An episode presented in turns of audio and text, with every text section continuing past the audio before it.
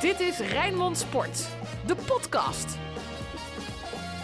Goeiedag, leuk dat je weer luistert naar de Feyenoord podcast. Uh, uiteraard doe ik dat met Dennis van Eersel en Sinclair Bisschop, de Feyenoord Watchers.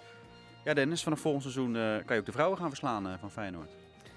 Ja, Thierry zou dat, zou dat kunnen hè? Ik weet niet hoeveel budget we bij Rijnmond er er vrij voor gaan, uh, gaan En wanneer ze gaan spelen Ik vind het wel een hele goede, uh, hele goede zaak dat het, uh, dat het gebeurt. Het is natuurlijk zonde dat Feyenoord daar in eerste instantie niet al bij zat. Want qua naam en faam had dat gehoord.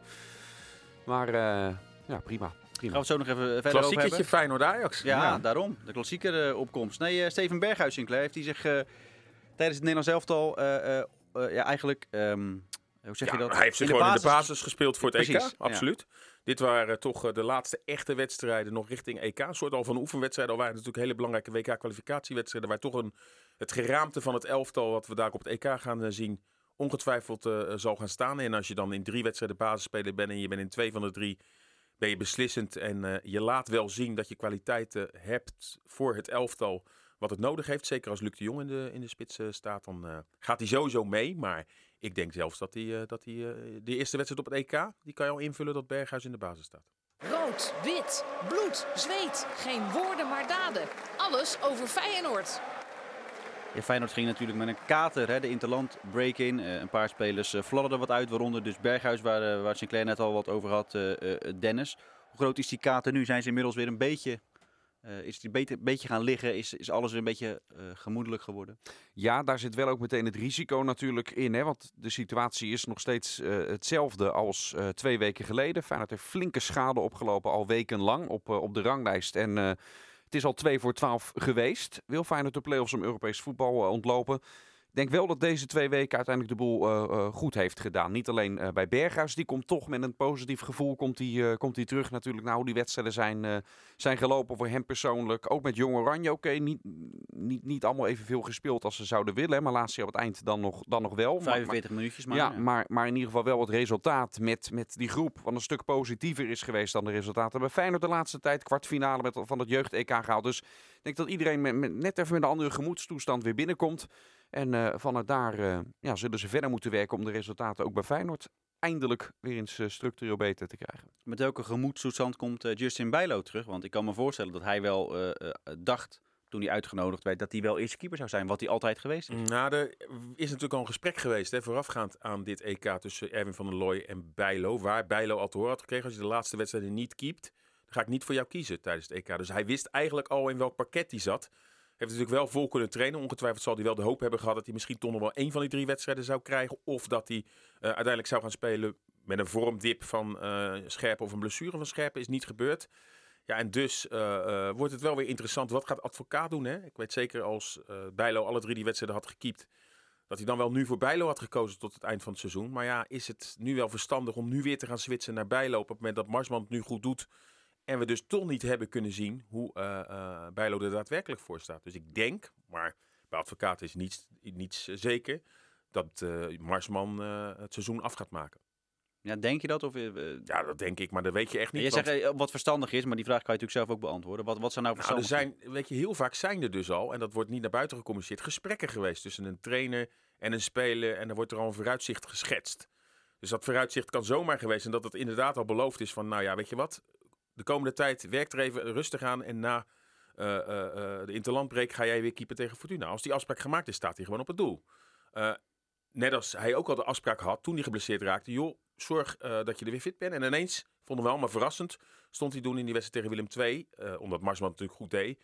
Wel weer in het doel. En dat had alles met een afspraak te maken. Zoals er nu Erwin van der Looy een afspraak heeft gemaakt met Bijlo dus, dat hij zou gaan keepen als hij de laatste twee potjes gespeeld zou hebben. Dus ik weet dus niet wat de afspraken zijn, maar logisch zou zijn dat Marsman nu, op basis van wat hij gedaan heeft en je niet kan blijven switchen, het seizoen af zou maken. Leroy Ver is weer terug, uh, Dennis. Maar ik moet zeggen dat Jens Toornstra mij ook wel beviel op die plek. Ja, die deed het goed, hè? Ook ja. in, uh, in, in die rol. En, en niet voor het eerst. Hij, hij groeit daar ook in om vanuit die positie het uh, in te vullen. Dat is meer, uh, meer controlerend. Ik, ik vind, uh, dan pak ik even de eerste helft tegen Emmen erbij. Want daar zaten ook wel wat goede dingen van de kant van Feyenoord. En eigenlijk bij al die goede dingen, hoe ik het me nu herinner, was Toornstra wel betrokken. Aan, aan, aan, de basis van, van een goede aanval. Ik vind, vind dat er wat meer voetbal in zat van hem vanuit die rol. Hè, met, met hoe hij die basis verstuurt. Ver sowieso aan een wat ongelukkig seizoen eh, bezig. Absoluut nog niet eh, de sterke ver zoals we hem bijvoorbeeld vorig seizoen, ook, ook bij zijn terugkeer Feyenoord, dat, dat was meer hè? Eh, was dat er al, eh, al in. Ehm, dus ja, het- voor mij hoeft het niet zo 1, 2, 3 gezegd te zijn ehm, dat advocaat dat stukje niet zo laat staan met Toornstra op die plek. Want wat is nou het voornaamste verschil tussen Toornstra en Ver op die plek? Nou, het heeft meer met de rest van de samenstelling op het middenveld te maken. Want eh, tegen Emmen zagen we bijvoorbeeld dat Texera speelde. En ja, ik moet eerlijk zeggen, eh, moest ook wel spelen met al die blessures. Diemers niet, ver niet. Maar ik vond ja, eh, dat daar in de eerste helft zag je nog wel, zo nu en dan, zag je wel wat acties van hem. Maar die tank ging al heel snel leeg. Dus mede dat Feyenoord tegen Emmen niet goed voor de dag kwam. En dat al die linies zo ver uit elkaar waren door die samenstelling op het middenveld. Ja, en dan denk ik dat je met bijvoorbeeld Ver, Kukcu en Toornstra wel iets zekerder middenveld hebt. Met iets meer automatisme. Eh, aan de andere kant ben ik wel eens dat Ver zijn niveau niet altijd haalt. Niet voor niets, vlak voor zijn blessure tegen PSV was hij eigenlijk al geslachtofferd. Hè? Eh, heeft er eigenlijk maar één wedstrijd gemist tegen Emmen. Maar zeker eh, eh, eh, nu zou ik wel echt voor zekerheid gaan. Dan zou ik toch met Ver, als hij fit is, maar hij gaat zeker nog niet in de basis beginnen. Maar iets meer voor, vooruitlopend al richting de komende Mhm. weken. En Texera hebben we ook al gezien. Eh, Kijk naar mijn sta- statistieken. Heeft maar heel weinig 90 minuten wedstrijden. Dus dan In heel zijn carrière? In heel carrière. Dus daar opteer ik er meer voor dat hij misschien als invaller zo nu en dan, hè, om nog iets te, te forceren. Eén komt voor de laatste, pak een beetje 20, 30 minuten. En dan zou ik tot het eind van het seizoen wel gaan voor Ver, Kukcu en eh Toornstra. Diemers niet. Nee, die overigens, en dat is misschien wel het meest pijnlijke, eh, daar heb ik mezelf ook schuldig aan gemaakt hoor. Maar dan, dan zie je een lijstje van de blessuregevallen. En dan wordt eigenlijk Diemers ja, over het hoofd gezien. Niemand noemt Diemers. Terwijl hij heel veel heeft gespeeld. Terwijl hij heel veel heeft gespeeld. Wel Nieuwkoop is nog geblesseerd en Ver komt terug.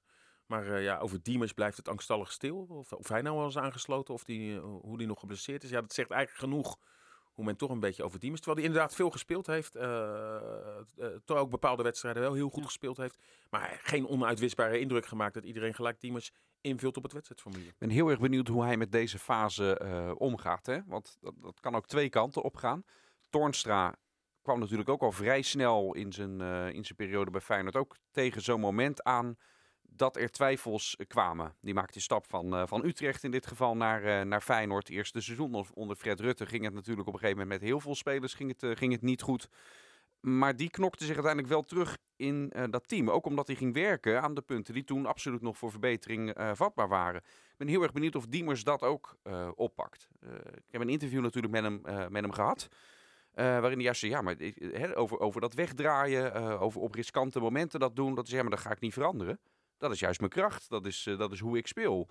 En daarvan dacht ik van, ja, ik hoop dat je dit nu zegt en later er ook nog even over nadenkt. Als er zoveel eh, kritiek op dat aspect komt, dat je dat ook ter harte neemt en ervan eh, van leert en groeit. Want als hij dat niet doet, dan gaat het hem uiteindelijk niet worden. Terwijl, terwijl hij heeft misschien echt wel het potentieel nog beter te worden dan, dan wat hij tot nu toe heeft, heeft laten zien. Ja, al Toch? is hij toch alweer een beetje tussen aanhalingstekens op leeftijd. Hè? Een beetje eh, midden gaat al richting eh, einde, einde eh 20 gaat hij. en ja, ik heb wel het gevoel dat dit het een beetje is. En dat hij misschien juist bij net een stapje lager echt de ideale man was geweest. Bij Groningen had hij misschien wel het hele elftal kunnen dragen. Zoals hij ook bij Fortuna deed. Dus dat ene stapje hoger wel. Maar twee stappen is denk ik ja, toch iets te hoog qua handelingssnelheid. Wat je volgens mij niet meer kan aanleren. En in het meest ideale nu zou hij gewoon bank zitten. En dat is, eh, hè, oh, eh, oh, hij zou erin kunnen komen. Mhm. Maar volgens mij, Voor de breedte. voor de breedte is het volgens mij wel een ideale aankoop. Maar ja, eerste seizoenshelft heeft hij alles moeten spelen. En volgens mij is dat nou net iets te hoog eh, gegrepen. Andere aankoop die mogelijk gedaan zou worden, maar AZ was Feyenoord dit keer te snel af. hè. Beukema van Go Ahead Eagles. Ehm, ik zat te denken, hoe is nou toch mogelijk dat AZ veel meer te besteden heeft qua hoe heet het? eh, transfergelden, zeg maar. Ja. Terwijl Feyenoord zoveel meer salaris biedt dan AZ. Dat is toch gek? Moeten ze daar niet een soort van andere volgorde in Ja, gaan maar die is, aannemen? die is voor mij niet zo ingewikkeld. Pak de transferbalans erbij van, nou alleen al de laatste twee seizoenen, maar zelfs als je een langere tijd pakt, is het beeld misschien nog pijnlijker. AZ heeft natuurlijk voor veel en veel hogere bedragen verkocht, waardoor je uiteindelijk ook weer voor hogere bedragen kan, kan inkopen. Ja, dat snap ik. Maar als de assistent eh, van Feyenoord, eh, die nu begint, Poes iets meer gaat verdienen dan wat de hoofdtrainer bij AZ verdient, Ja. dan zit daar toch een, een soort... Nee, oké. Je hebt dus je hebt, je hebt de begroting. De begroting van Feyenoord is hoger dan de begroting van AZ. Ja. En je salarisbudget haal je uiteindelijk, waar het plafond daarvan ligt en wat je te besteden hebt, haal je uiteindelijk uit je begroting. Dat zijn lopende kosten. Je transferbudget, dat, dat fluctueert natuurlijk meer. Tuurlijk is daar bij Feyenoord ook altijd een potje voor. Maar afhankelijk van hoe groot dat potje is, dat valt of staat ook weer met wat je uiteindelijk zelf verkoopt. Nou, die cijfers van Feyenoord zijn dramatisch. Ik kent de club inmiddels zelf ook. Eh, en bij AZ zijn die resultaten veel beter geweest. Dus er is het qua transferpotje is er bij AZ gewoon meer te besteden nu dan bij Feyenoord. Terwijl qua salarispotje er bij Feyenoord nog steeds meer te besteden is dan bij AZ. En dat is ook logisch. En op het moment dat Feyenoord nu komende zomer misschien wel eh, spelers flink zou gaan verkopen. Denk niet dat het gebeurt, maar stel dat er wel uh, voor Senesi een groot bedrag uh, neergeteld wordt. Ja, dan heb je natuurlijk ook weer meer mogelijk om te besteden. Maar op dit moment, gedurende wat er is gebeurd met corona, noem alle, alles maar op. ja, is er gewoon geen budget. En ja, het is natuurlijk wel heel pijnlijk dat Feyenoord op dit moment uh, een speler van Go Ahead Eagles acht die het ton, nog allemaal moet ton laten heeft, zien dat ze die zelfs niet kunnen betalen. Ja, en dat AZ dat dus wel heel makkelijk aftikt. Maar het zou ook een heel raar signaal zijn als je vorige week nog je hand ophoudt bij het uh, publiek uh, en aangeeft en met loonoffers, noem alles maar op, dat je dan toch, want het blijft een risico. We weten niet hoe Beukema zich gaat Ja, ontwikkelen. Wou, die wou ik net zeggen. Er zit nog één vraag Ja, voor, nee, ook voor mij. Van, hey? Ja. moet je, hij is zo in de twintig ook, hè?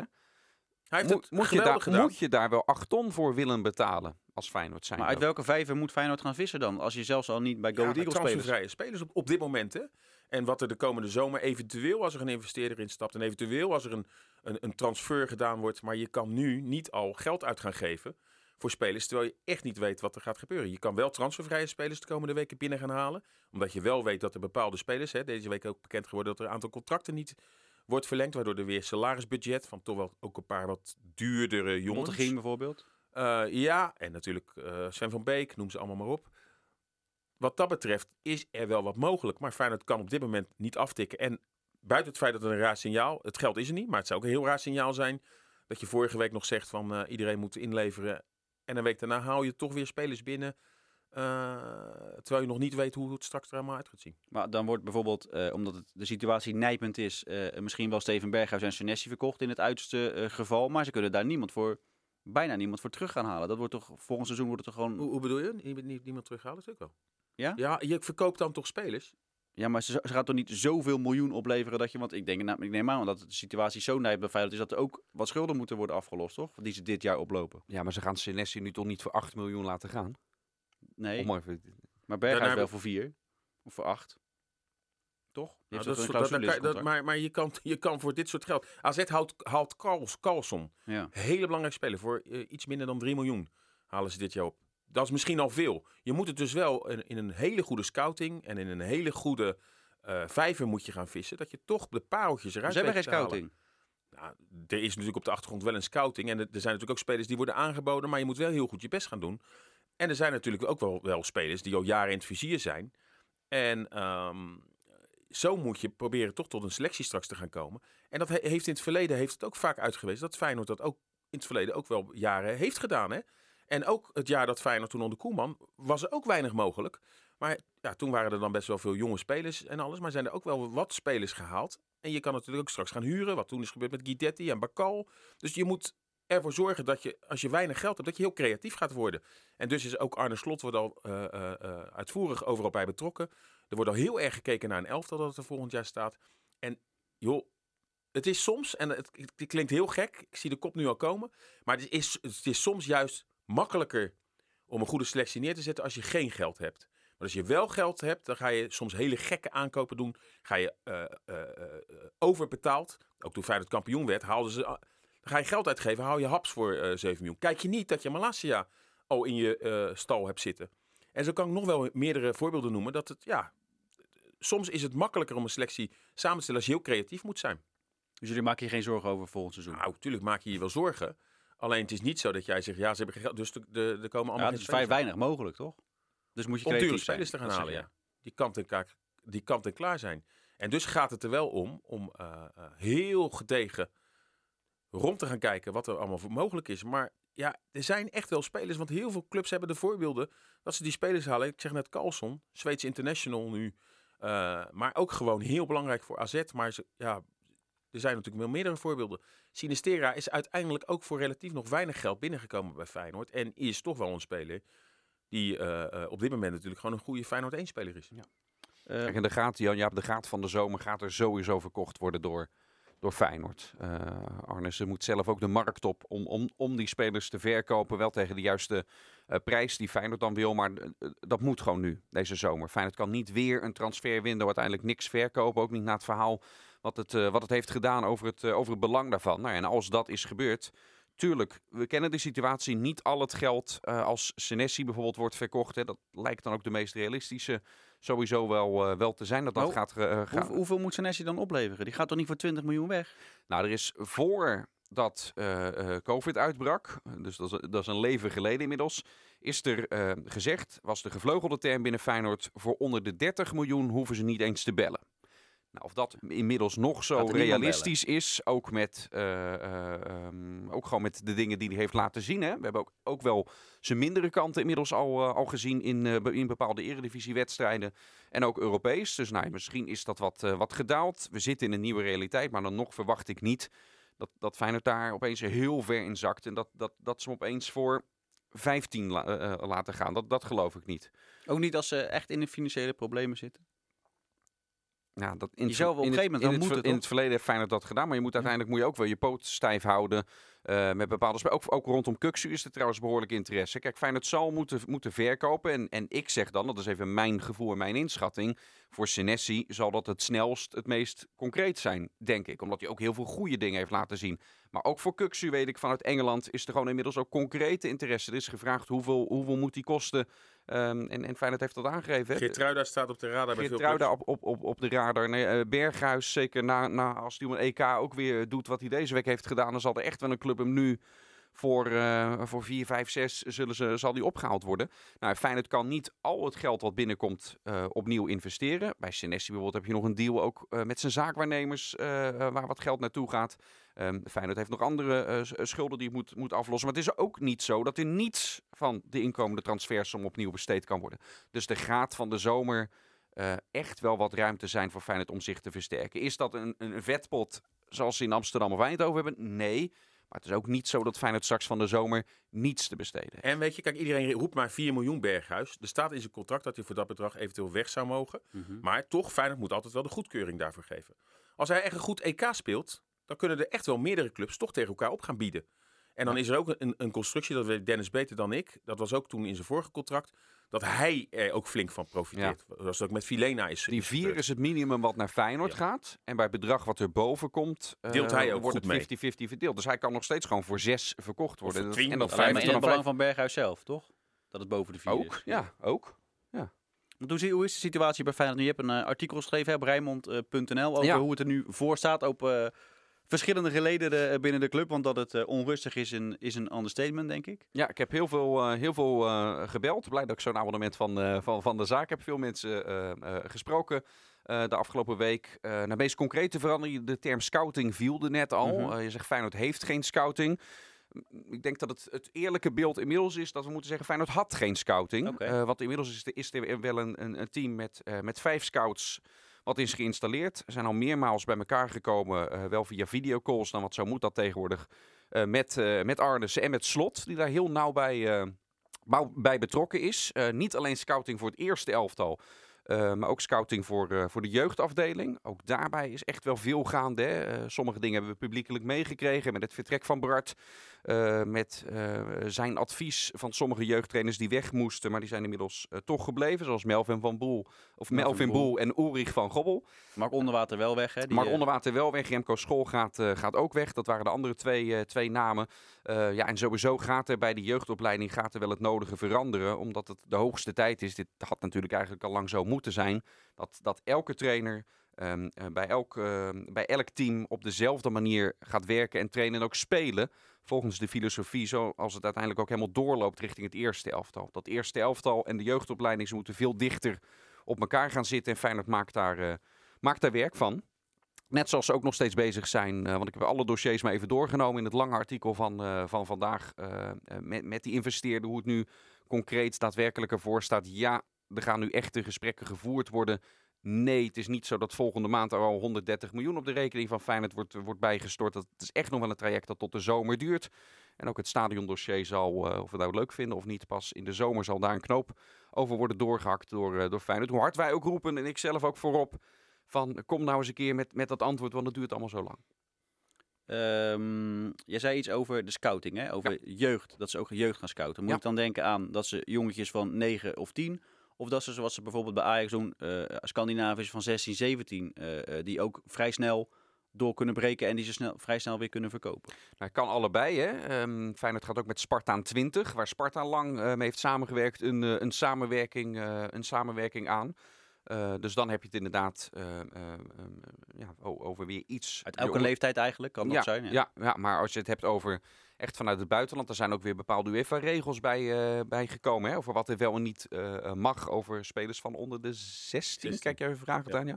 Ehm, eh, maar daarboven inderdaad, ja, ook, op de, ook daarin zal Feyenoord... eh, Maar we doen, we, doen, we doen nu net in jouw vraag, suggereer je een beetje alsof dat er allemaal nog niet was. Feyenoord haalde natuurlijk ook al jarenlang jongens uit Scandinavië, eh, uit het buitenland. Ook jongetjes van 9, 8 en 7 worden al gescout. Hè. Het, het moet alleen net wat, wat professioneler en beter. En Mhm. de, de juiste pareltjes zijn dus de laatste jaren niet opgehaald. Daar moet het in zitten. Maar ja, Feyenoord... Ja, en ook hoe je vervolgens, dus stel je hebt die jongens hier. En hoe ga je vervolgens met ze aan de slag? Heb je dan een trainer die eigenlijk gewoon zijn eigen ding doet, omdat hij in die competitie goed wil eh, presteren? Omdat op, op een gegeven moment, het is eh, eind maart en hey, we, eh, Nou ja, onder eh, 14, we doen mee om de titel. Nou ja, laten we maar een beetje bij de naam noemen. Dirk Kuyt wilde per se kampioen worden. Haalde in een hele belangrijke fase haalde hij de Kukçus en de Burgers haalde hij naar een elftal. Eh, terwijl die jongens natuurlijk al bij het eerste zaten. eh, waardoor die jongens die zich juist hadden moeten ontwikkelen in zo'n wedstrijd tegen Ajax op de bank zaten. Eh, en iedere keer als er dan wat gewonnen moest worden bij de A1, dan werden er eh, eh, andere spelers bijgehaald om maar te winnen. Daar moet een, eh, een, een, een andere slag in gaan komen. Maar met name denk ik in echt te gaan, een, verschil te gaan maken eh, eh, wat betreft spelers. Er is natuurlijk het voorbeeld van de, de gebroeders Timber, die bij Feyenoord speelde, die nu bij Ajax. Een van de twee die doet het volgens mij erg goed, hè, de Timber. Die is bij Feyenoord weggegaan omdat de club de reiskosten niet helemaal wilde gaan vergoeden in die tijd. Nou, dat soort kleine redenen zijn er altijd aangegeven door spelers. Met Tati Chong ging weg omdat hij in een gesprek ja. Ja, in een gesprek gaf hij aan dat hij eigenlijk wel wat vaker met het eerste mee wilde trainen. Maar dat kon niet, want hij moest hetzelfde worden behandeld als andere spelers. Het gaat natuurlijk heel vaak om bedragen. Dat echt een talent, die al in vertegenwoordigende elftallen vaak dan evenveel krijgt als iemand waarvan eigenlijk iedereen kan inschalen van die gaat nooit Feyenoord 1 halen. Ik denk dat daar met name binnen de jeugdopleiding van Feyenoord naar gekeken moet worden. Op zich moeten we ook niet doen of alles daar maar kloot is gegaan eh, eh, de laatste jaar. Want dat is, niet het geval. Alleen door dit soort eh, eh, fouten die er gemaakt zijn. En dan hebben we het, eh, de, de allergrootste is misschien wel dat er voor al die jongens nooit een vangnet is geweest van jong Feyenoord dat op de eh, eh, eh, in, in, op respectabel, respectabel niveau speelde. En dat is het totaalpakket waardoor er zo weinig jongens doorstromen naar het eerste elftal van Feyenoord. Maar er wordt nu gedaan alsof Feyenoord maar nooit die juiste spelers binnen heeft gehaald. Natuurlijk, Feyenoord heeft ook met Frenkie de Jong gezeten. Uh, maar toen is er wel, een, terwijl hij zelfs een Feyenoord, uit de Feyenoord-familie kwam, ja, niet het goede beeld geschetst. Waardoor andere, de, uh, spelers voor andere clubs kiezen. En dit zijn natuurlijk allemaal pijnlijke situaties die in het verleden bij Feyenoord in de jeugd hebben plaatsgevonden. En dat moet gewoon beter. En ik heb het idee dat dat ook onder Frank Arnissen misschien net wat gepolijst en net wat beter uh, dadelijk voor elkaar, uh, voor elkaar is. We zijn er in ieder geval mee bezig. We begonnen ermee, Dennis, het vrouwenvoetbal. Een goede zaak, uh, zeg jij. Uh, Rotterdam, uh, de vrouwenvoetbalhoofdstad van Nederland inmiddels. Hè, met twee ja, clubs ja. in de eredivisie van de negen. Um, ja, ik denk dat Excelsior, zou Excelsior er nou blij mee zijn, denk jij? Dat ook Feyenoord in, in, in, de, in dezelfde stad. Want het is niet zo'n hele grote vijver waar natuurlijk nog uitgevist kan worden. Nee, ja, ik denk uiteindelijk, het, het, zit nu nog zo in, het staat zo nog in de, in de kinderschoenen dat je blij moet zijn, denk ik. Volgens mij. Of kan het juist een boost weer geven? Ja, da, dat, daar geloof ik eerder in. Ik zou eerder uh, uh, vanuit die kansen uh, kijken. het is gewoon een sport die nog steeds in, in, in, de groei is. Um, en en als, als Feyenoord alleen al met zijn naam er toch weer bij aanhaakt, geeft, geeft ook weer een boost. Hè? Ik kan me voorstellen voor, niet beledigend richting Excelsior, maar voor heel veel jonge meisjes uit de regio die voetballen ja, dat, dat, dat spelen ik, ja. voor Feyenoord, dat ja. dat net even wat meer, uh, hè, wat, wat meer glinstering in de, in de ogen brengt dan, dan spelen voor de Excelsior vrouwen. Ja, uh, ja toch? Uh, ja, en een mooie derby in het vooruitzicht, hè, met Excelsior tegen, tegen Feyenoord. En ja, kijk, als Excelsior nou ieder jaar nu kampioen zou worden en Feyenoord komt erbij, dan is er misschien de angst dat dat, dat minder gaat worden. Maar ja, Excelsior... Ze winnen één keer per jaar. Nou ja, uh, goed dat ze vrouwenvoetbal hebben. En uh, ze doen het volgens mij ook heel erg goed. Maar volgens mij hoeft dat elkaar zeker niet uh, te gaan bijten. En volgens mij, ja, Feyenoord gaat volgens mij ook niet zodanig investeren in het vrouwenvoetbal. Dat ze ook gelijk daadwerkelijk... Ja, ze hadden al, Nee, een, zeker ze hadden niet. al een Nee. belofte elftal. Klopt. Eh, eh, dus ze hebben het eh, eh, eh, heel goed eigenlijk eh, eh, opgebouwd. Vanaf, eh, vanaf niet meteen dan met de meute mee van we moeten Eredivisie in. Want dan krijg je inderdaad dat het eh, zoals Excelsior nu heeft. Dus met een belofte team het echt opgebouwd. En dat wordt nu eh ja, eh, en als Vivienne Minima, topscorer alle tijden, eh, haar belofte ja, nu al. inlost. Nee, straks. Nee, maar als ze over één of twee jaar inderdaad... Ze is 24 pas, dus die zal nog wel eventjes... Nou, misschien al is het later. Maar ik denk dat dat ook wel een boost kan geven. Want heel veel van die meiden... Kijk, hetzelfde als bij mannenvoetbal. Als Van Persie terugkeert. Ja, daar wil je mee, mee, mee gevoetbald hebben. En die kunnen natuurlijk ook dingen aanleren. Dus ik denk dat het een hele goede ontwikkeling is. En ja, de kritische zijde is wel ongelooflijk dat dat nu pas... Hè, het vrouwenvoetbal zit volgens mij echt al een jaar of tien... echt in de lift met de eredivisie... die we natuurlijk ook al meer dan tien jaar hebben. Ja, en alle ploegen, eh, PSV, Ajax, Twente, Den Haag... konden wel al jaren Heerenveen eh eh eh, eh, daaraan deelnemen. Ja, en dan vonden we het eigenlijk altijd al een beetje raar dat er in Rotterdam helemaal geen club was. En nu eigenlijk een oproep richting Sparta om ook gewoon een vrouwentak te gaan beginnen. Maar ter verdediging van Feyenoord, als je het dan doet, moet je het goed doen, toch? Daarom hebben ze Ja. waarschijnlijk zo lang gewacht. Het is niet dat ze denken van, oh, we, gaan maar, we gaan maar mee omdat het moet. Ja, maar volgens mij waren er in het verleden ook wel eh, goede instapmogelijkheden om het gewoon gelijk goed te doen. En eh, ja, eh, het kost natuurlijk altijd geld. Maar ja, dat is een open deur. Ik bedoel, dat, zal nu ook geld kosten. Maar dat is natuurlijk maar een druppel op een goede, gloeiende plaat. En het is hetzelfde budget wat er al voor het vrouwenvoetbal eh, stond. Hè? Dus dat is misschien nog wel belangrijk om, Mhm. om erbij aan te geven. Zeker de financiële situatie waar Feyenoord nu in, in zit. Hè? En ze kloppen vorige week nog aan bij eh, de achterban van eh, zie af van die, eh, van die restitutie. Feyenoord gaat niet meer geld nu uitgeven in deze tijden aan, eh, aan, aan, aan het vrouwenteam. Dat is, dat is hetzelfde gebleven. Zou het kunnen gaan leven? Want we zien wel eens bij jeugdwedstrijden, eh, als het weer mag, hè, eh, even na coronatijd, dat bij jeugdwedstrijden heel Varkenoord vol staat met publiek. Denk je dat het bij de vrouwen ooit ook zo zou kunnen gaan leven? Of zouden ze misschien zelfs ooit in een kuip gaan spelen? Die, Nou, ik, eh, ik, ik heb aan het begin van het jaar heb ik wel een wedstrijd Excelsior Heerenveen gezien. En dat vond ik opvallend dat het helemaal vol stond. Met eh, toch wel veel toeschouwers langs de lijn.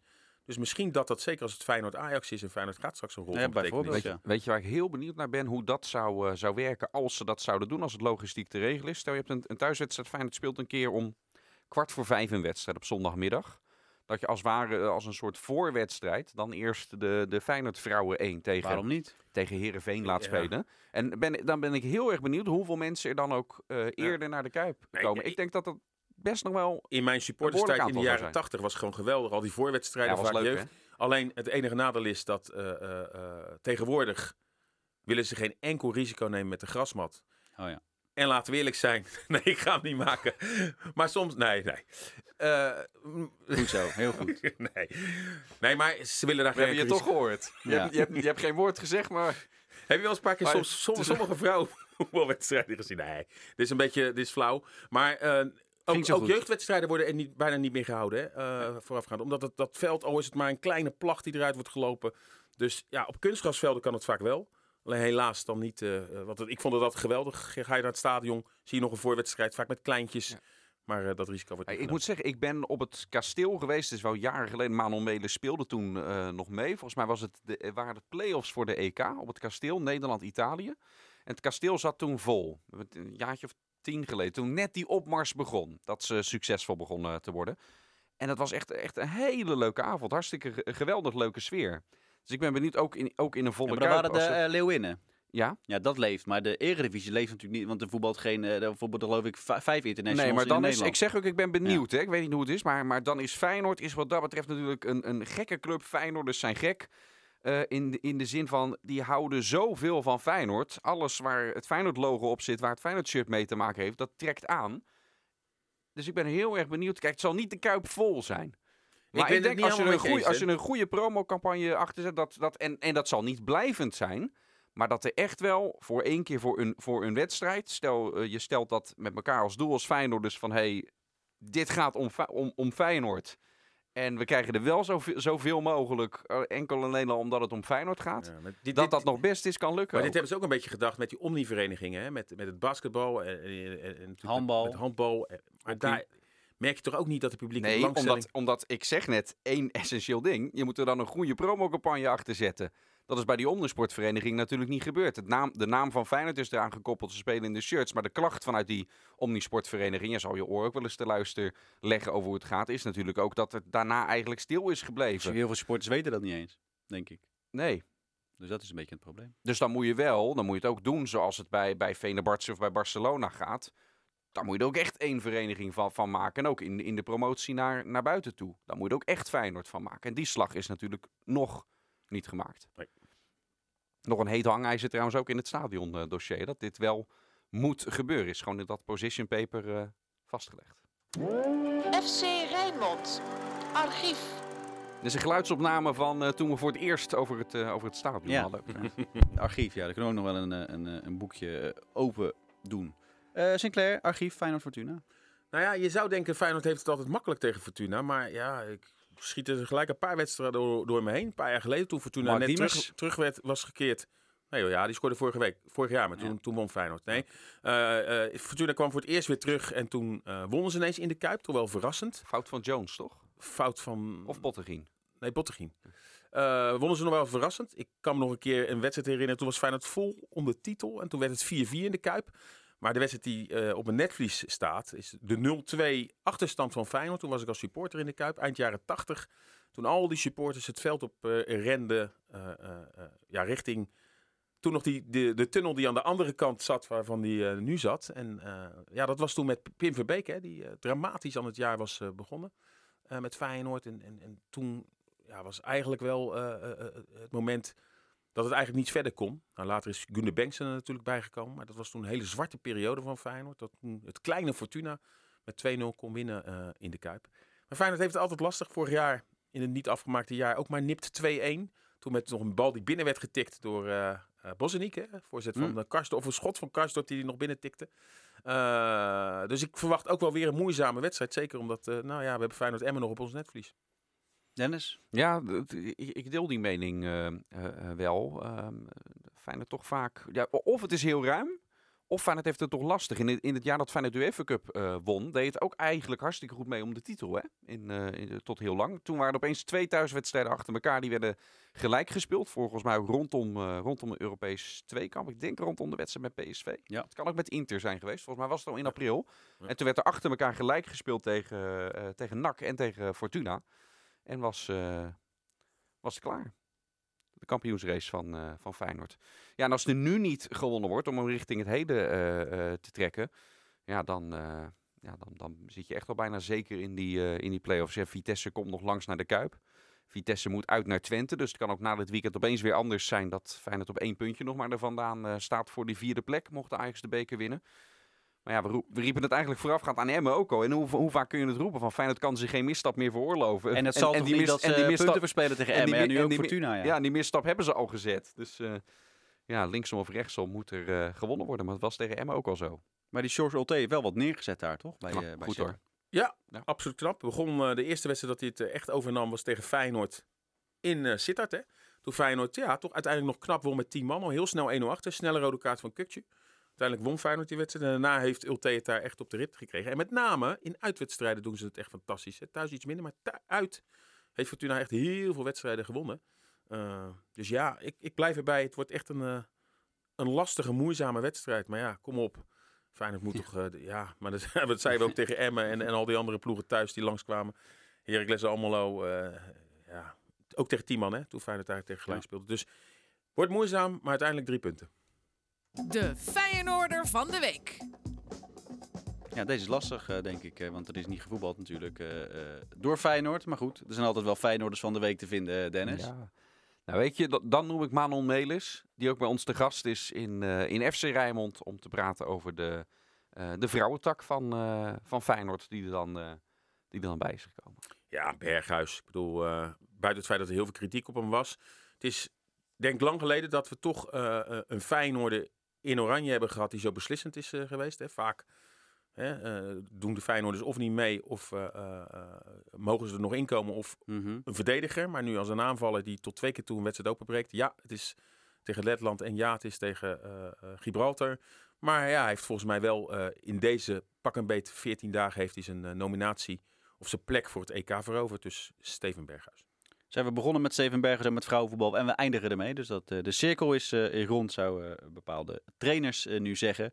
Dankjewel Dennis, dankjewel Sinclair. Je zei het al, vanavond, als je dit op vrijdag luistert en anders kan je het ook altijd terug, terugkijken. FC Rijnmond met Manon Melis en ook met Hugo Borst. Schreef de Koolsingel bleef leeg en breng, die nu, breng hem nu opnieuw uit. Wat is er Dennis? Niks, ik zit geboeid Oké, naar jou te heel luisteren. goed. Nou ja, tot zover en tot de volgende podcast eh, Feyenoord. Dit was Rijnmond Sport, de podcast. Meer sportnieuws op Rijnmond.nl en de Rijnmond app.